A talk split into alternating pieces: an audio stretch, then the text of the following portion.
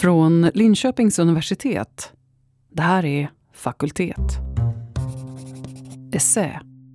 Om glastak och glaskorridorer på arbetsplatsen. Mångfald. Inkludering. Utveckling. Det är vanliga ord i både jobbannonser och när olika arbetsplatser presenterar sin värdegrund. Och det låter väl bra, eller hur? Ofta formuleras det som mål. Vi vill ha mångfald. Vi strävar efter att bredda oss, bli mer mångfacetterade. Och samtidigt, så många osynliga hinder för vissa på arbetsplatsen.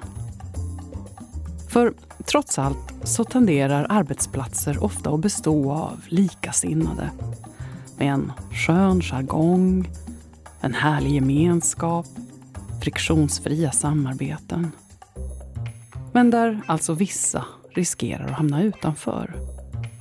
Just precis de som vi bjuder in med ord som mångfald, inkludering och utveckling. Försvarsmakten tillsammans med poliskåren är två yrkesgrupper som särskilt präglas av det här. De är, kan man säga, bäst i klassen när det gäller jargong och osynliga strukturer. Båda kårerna förknippas med maskulinitet och tydliga manliga ideal. Och även om det är ungefär ett halvt sekel sedan man tog bort de formella hindren för kvinnor att söka sig till de här yrkena och få tjänstgöra på samma villkor, så finns de här hindren ändå kvar. Både för kvinnor och även för vissa män. Alma Persson är forskare inom genus i organisation och arbetsliv.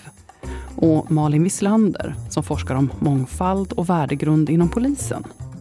De har tillsammans skrivit om arbetsvillkor inom polisen och Försvarsmakten. När normer och traditioner möter krav på ökad jämställdhet så tvingas kårerna att diskutera kvinnors och mäns olika betydelse hur de bidrar med olika saker, har olika roller. Eller om de faktiskt är där på samma villkor. Och samtidigt så omskapas då bilden av vad som kännetecknar en riktig soldat, en riktig polis, en riktig man. Det är Alma Persson som läser den här essän.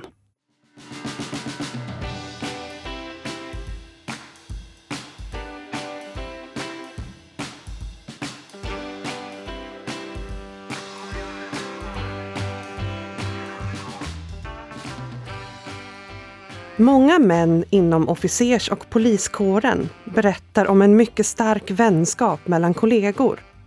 Soldater är inte bara kollegor. De är också bröder som skulle göra vad som helst för varandra. Och för de som ingår i det här brödraskapet skapas en mycket stark tillhörighet.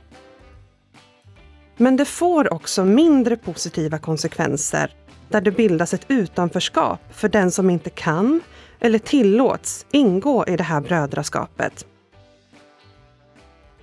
Ett begrepp som haft stor betydelse för hur män och maskulinitet bidrar till att forma mansdominerade organisationer och professioner är homosocialitet. Det vill säga mäns tendens att identifiera och jämföra sig med andra män och söka andra mäns bekräftelse, sällskap och beundran. Homosocialitet brukar ses som en central process för skapandet och upprätthållandet av könssegregerade och diskriminerande processer, vilket sällan är en medveten strategi. Men de som inte ingår i det här homosociala viet som återskapas genom till exempel informella möten, på innebandyträningen eller i bastun på kvällen efter övningen eller i informella rekryteringsprocesser utestängs från de platser där viktiga beslut bereds. Det innebär att status quo reproduceras i det att ledningen tillsätter nya medlemmar som liknar dem själva och som ingår i deras nätverk. Den här broderskapslogiken utgör grunden för den nära vänskap mellan kollegor som många män inom officers och poliskåren berättar om. När kvinnor eller män som inte passar in i majoritetsgruppen på grund av till exempel sin etnicitet, sexualitet eller könsidentitet gör entré på en arbetsplats eller i en profession med en stark homosocial kultur uppstår en friktion som stör den homosociala samhörigheten. Och den här friktionen leder ofta till olika former av motstånd från majoritetsgruppen. Att skoja om bögar eller feminister är ett exempel på hur sånt motstånd kan uttryckas och ofta med humorn som försvar. Att det ska vara högt i tak och finnas utrymme för en rå men hjärtlig jargong kollegor emellan är en vanlig uppfattning inom både polisen och Försvarsmakten. Jargongen fungerar som ett sammanhållande kitt för gemenskap, närhet och vänskap bröder emellan. Forskning om humor i polis och officerskåren visar hur den råa men hjärtliga jargongen till och med kan ses som en viktig del av kulturen som kan fungera som en ventil för att tillsammans bearbeta svåra upplevelser i yrket.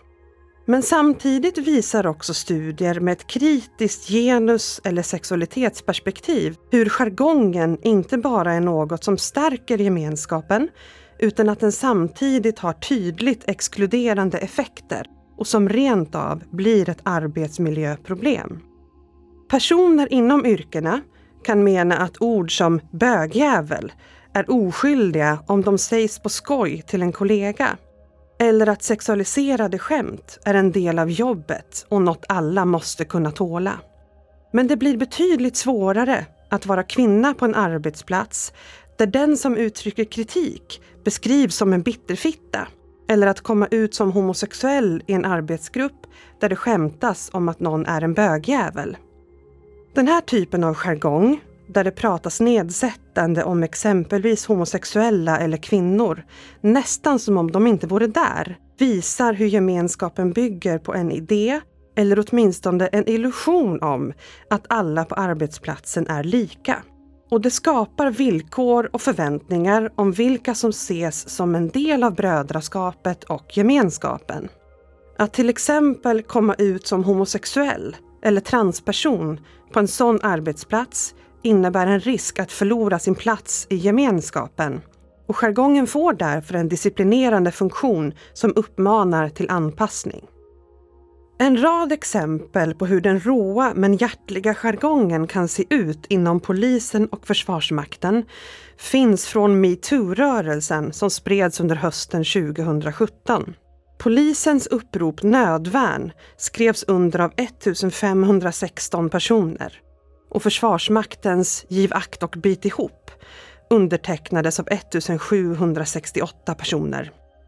Ett problem som återkom i båda uppropen var hur kvinnor rutinmässigt markerades som avvikande från normen inom yrkena.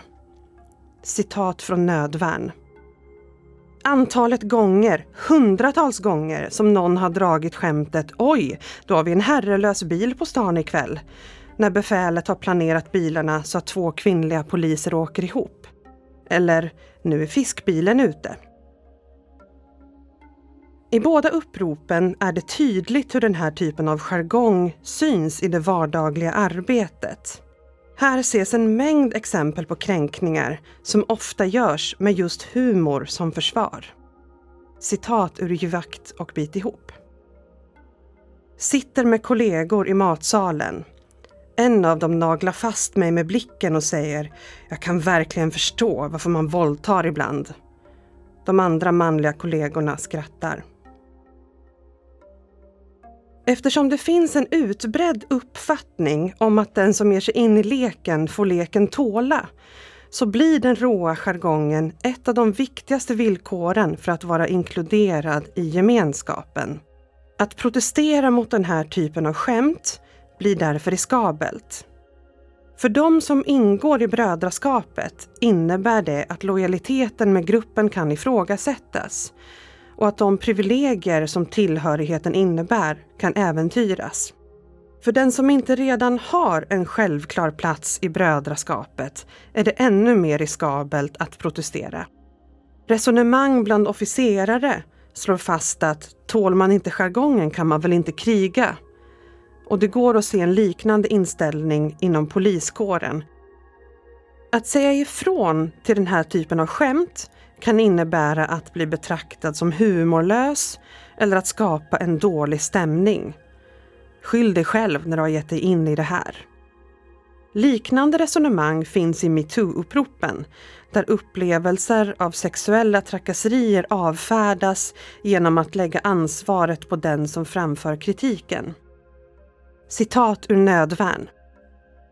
Genom åren har modet att säga ifrån när jag känt mig trampad på ökat. Det har oftast slutat med respons av typen Vad fan är det med dig då? När blev du så där jävla brudkänslig? Har du mens eller? Har du fått för lite kuk eller? Och ska du också bli en sån där jävla känslig bitterfitta? Den här jargongen bidrar alltså å ena sidan till en gemenskap som ses som nödvändig i arbetet. Men skämt om bögar, blattar och bitterfittor tydliggör också vad som är norm och markerar samtidigt gränserna för den homosociala tillhörigheten. Exemplen visar också vad det innebär att säga ifrån och ställa sig kritisk till jargongen. För kvinnor, hbtq-personer och andra som inte självklart räknas som en riktig polis eller en riktig officer är tystnad och anpassning vanliga strategier som kan vara mer eller mindre medvetna. För de personerna kan det till och med vara ännu viktigare att haka på den här jargongen för att visa sin duglighet och lojalitet i gruppen.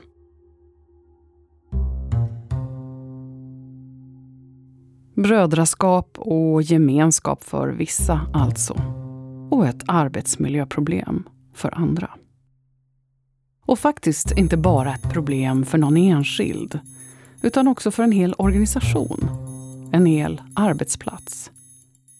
Försvarsmakten som just nu är inne i en utvecklingsfas när det gäller sitt värdegrundsarbete beskriver hur mångfald och jämlikhet skapar förtroende och att oliktänkande stärker försvaret.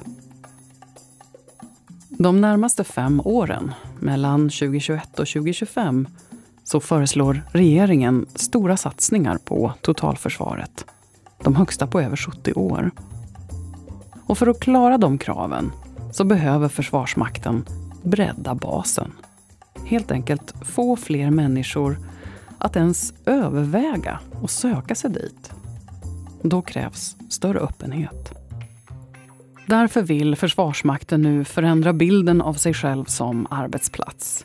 Och det handlar inte bara om att förändra en jargong utan om ett mer allmänt synsätt om vem som är rätt man på rätt plats. Och kanske sudda ut machostämpeln lite grann.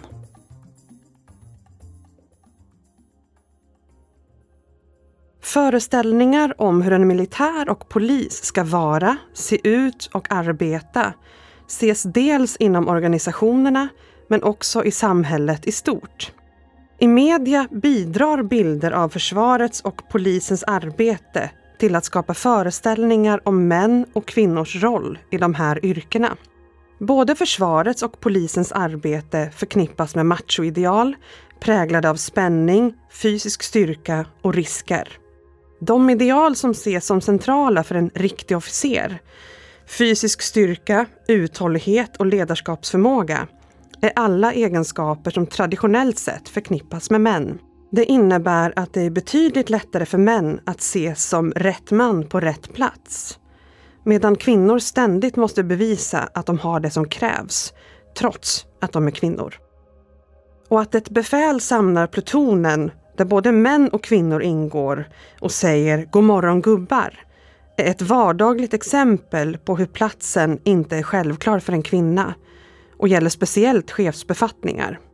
Att vara kvinna och officer innebär alltså att ständigt möta och hantera friktionen mellan vad det innebär att vara en riktig kvinna och att vara en riktig officer.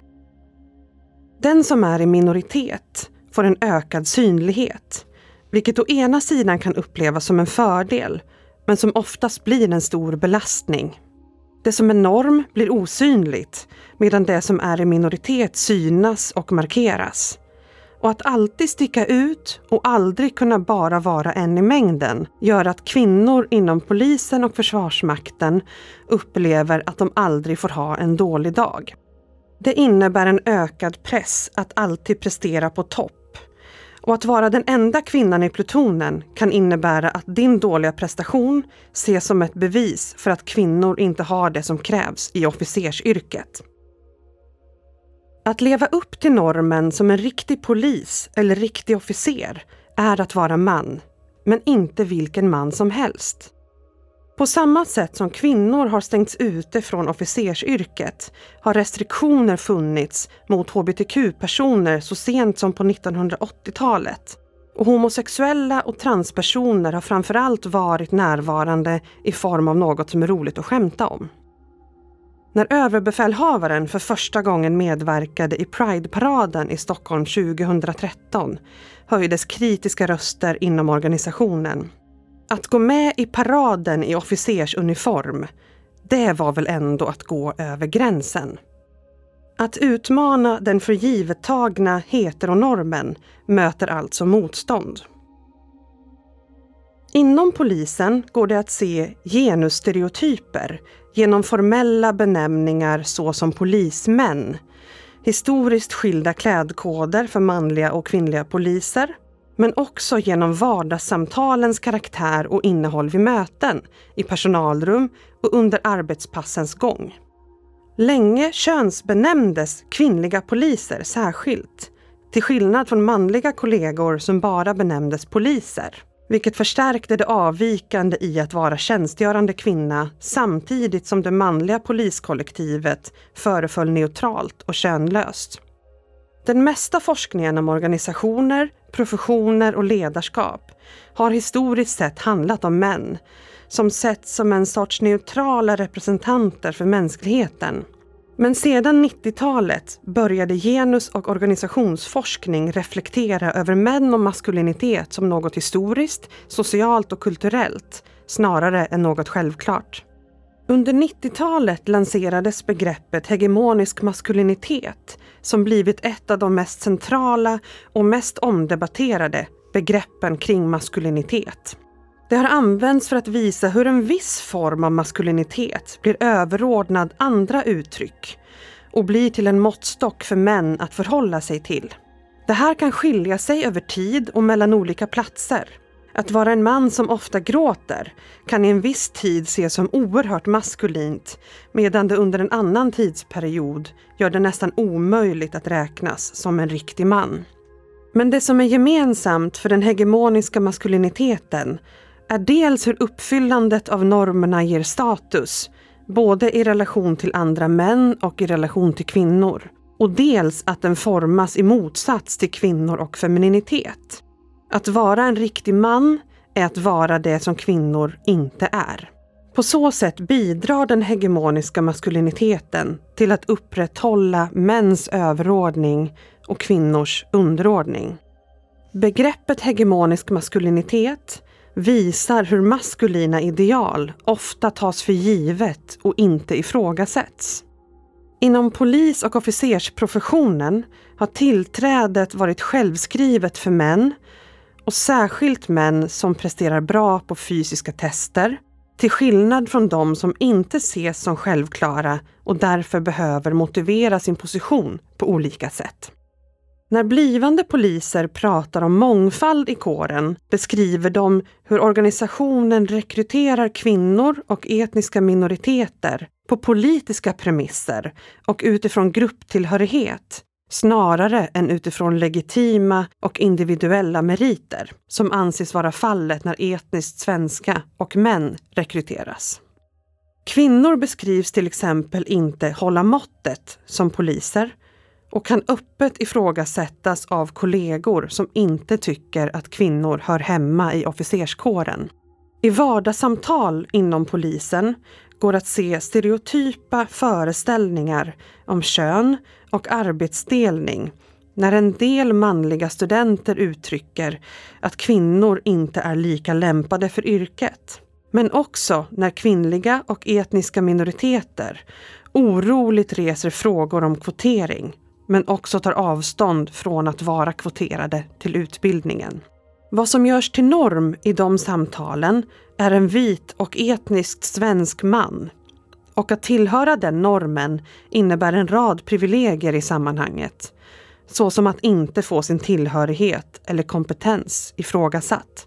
Kvinnors och etniska minoriteters legitimitet i yrket bygger istället på att de framställs som en vinst i organisationen genom att ses som resurser för sina likar. Kvinnor med etnisk minoritetsbakgrund kan exempelvis användas i olika former av etnisk matchning för att möta andra kvinnor eller personer i segregerade bostadsområden. Kvinnors roll inom polis och försvarsmakt har på sådana här sätt ofta setts som ett komplement till mannen och flera studier visar hur män och kvinnors kroppar görs centrala på olika sätt. Den kvinnliga kroppen förknippas med svaghet och icke-våld och ses som våldsdämpande på grund av föreställningen om att den inte ska eller kan utöva våld till skillnad från mannens. Utan den kvinnliga kroppen ska skyddas. Eftersom det här står i motsats till polisens och Försvarsmaktens befogenhet att utöva våld blir kvinnors plats inom yrkena ifrågasatt och de fördelas på uppgifter eller arbetsområden som uppfattas kräva specifikt kvinnliga egenskaper, såsom samverkan eller förhör med kvinnor eller barn. Inom polis och försvarsmakt delas arbetsuppgifterna alltså ofta upp utefter vad som ses som kvinnligt och vad som ses som manligt. Där det som traditionellt ses som manligt ges högre status och ofta omnämns som riktigt polisarbete. Den här så kallade interna könsarbetsdelningen kan ofta motiveras med att män och kvinnor är bra på olika saker och att det är en naturlig uppdelning, bland annat utifrån intresse. Och på så sätt skulle det gå att hävda att rätt man är på rätt plats. Men en annan förklaring till uppdelningen är att det är lägre status på vissa arbetsuppgifter som kodas som kvinnliga, vilket gör det svårare att rekrytera män dit. Både polis och officerskåren har en svårighet att locka kvinnor att söka och antas till deras utbildningar. Och dessutom finns höga krav på fysisk styrka som ofta blir till kvinnors nackdel. Inom Försvarsmakten har det också varit svårt att behålla de kvinnor som sökt sig till utbildningen. Utvecklingen mot en ökad jämställdhet i dessa yrken går trögt och andelen kvinnor är alltjämt låg.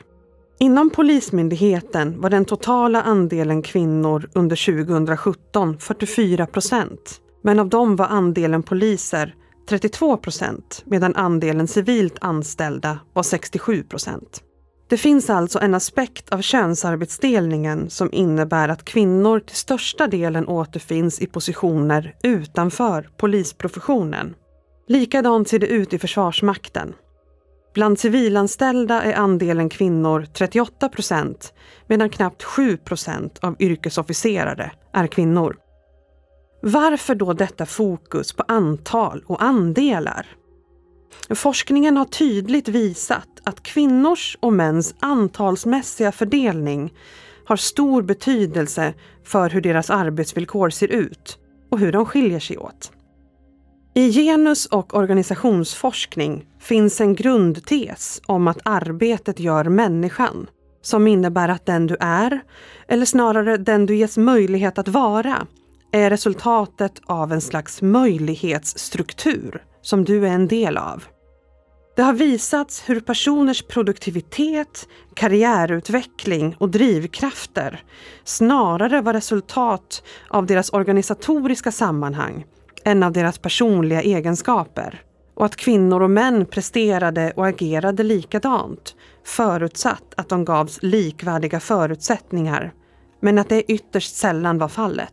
På det sättet kan man förstå skillnader mellan kvinnors och mäns arbets och karriärvillkor som en följd av organisationsstrukturer snarare än ett uttryck för naturgivna skillnader mellan kvinnor och män. Det går att tänka sig hur det finns som glastak och glaskorridorer där det här glastaket är en metafor för den osynliga barriär som kvinnor upplever. Ett tak som sätter stopp och gör det omöjligt att avancera uppåt i hierarkin. Och glaskorridorer som gör att en del verkar ledas in på vissa typer av positioner inom officerskåren.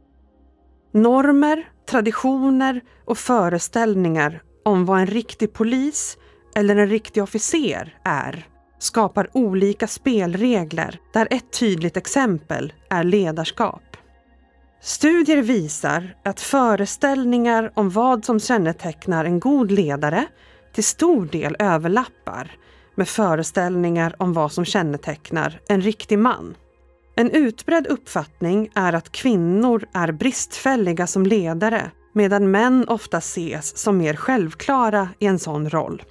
Forskningen visar också att samma egenskaper kan tolkas olika hos olika personer.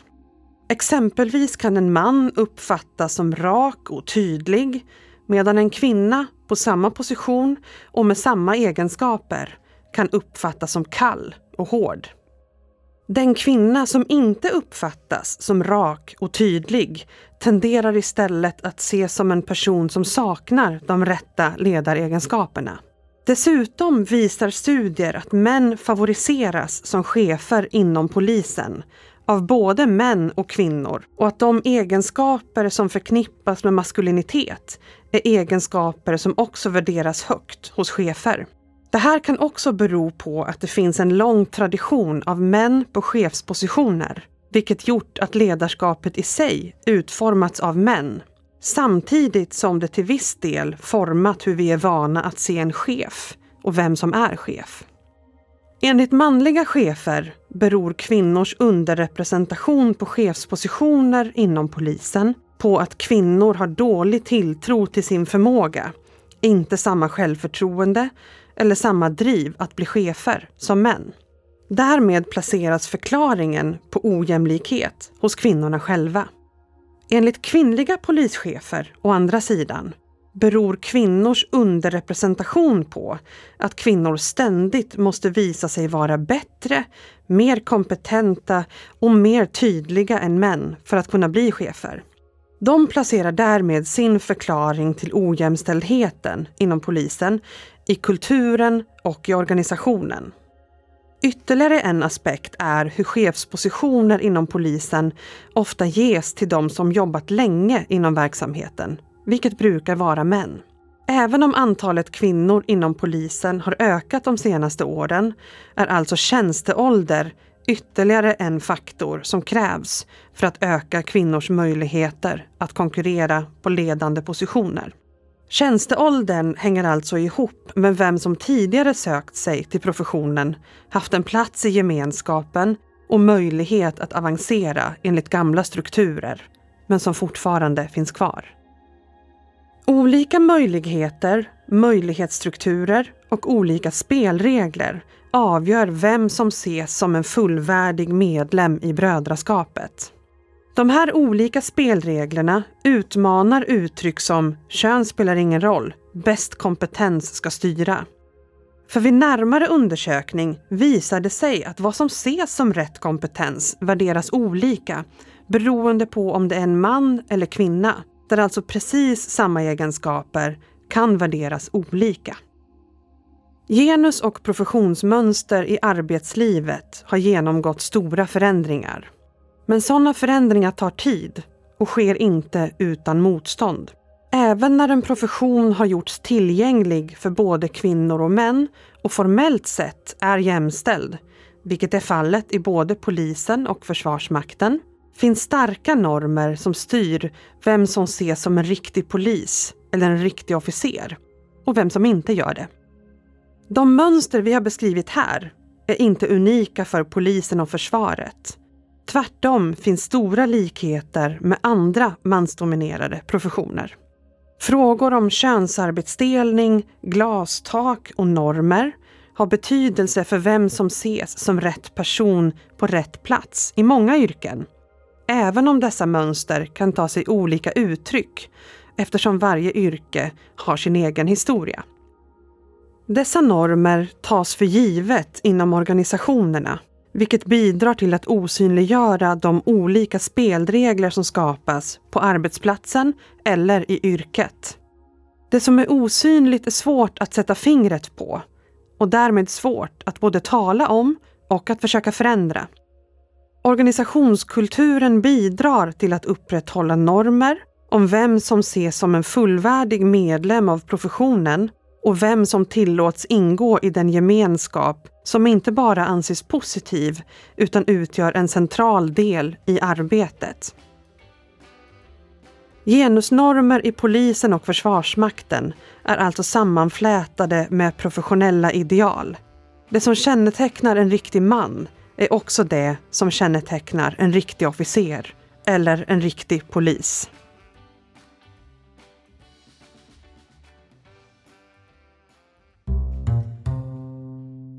Alma Persson, forskare vid Tema Genus vid Linköpings universitet. Du lyssnar till Fakultet Essä. Idag om arbetslivets villkor och om försvaret och polisen som exempel på organisationer som både behöver och som anstränger sig för att stå upp för ord som mångfald och inkludering. Och på så sätt stå upp för de demokratiska principer som de faktiskt är satta att värna. Texten i sin helhet den finns publicerad i antologin Genus och profession, studentlitteratur 2021. Då under kapitelnamnet Genus i uniform, genusrelationer och arbetsvillkor inom polisen och Försvarsmakten. Det här är Fakultet Essä och jag heter Anneli Norberg. Vill du lyssna på fler podcasts från Linköpings universitet så hittar du dem där poddar finns eller på adressen liv.se podcast.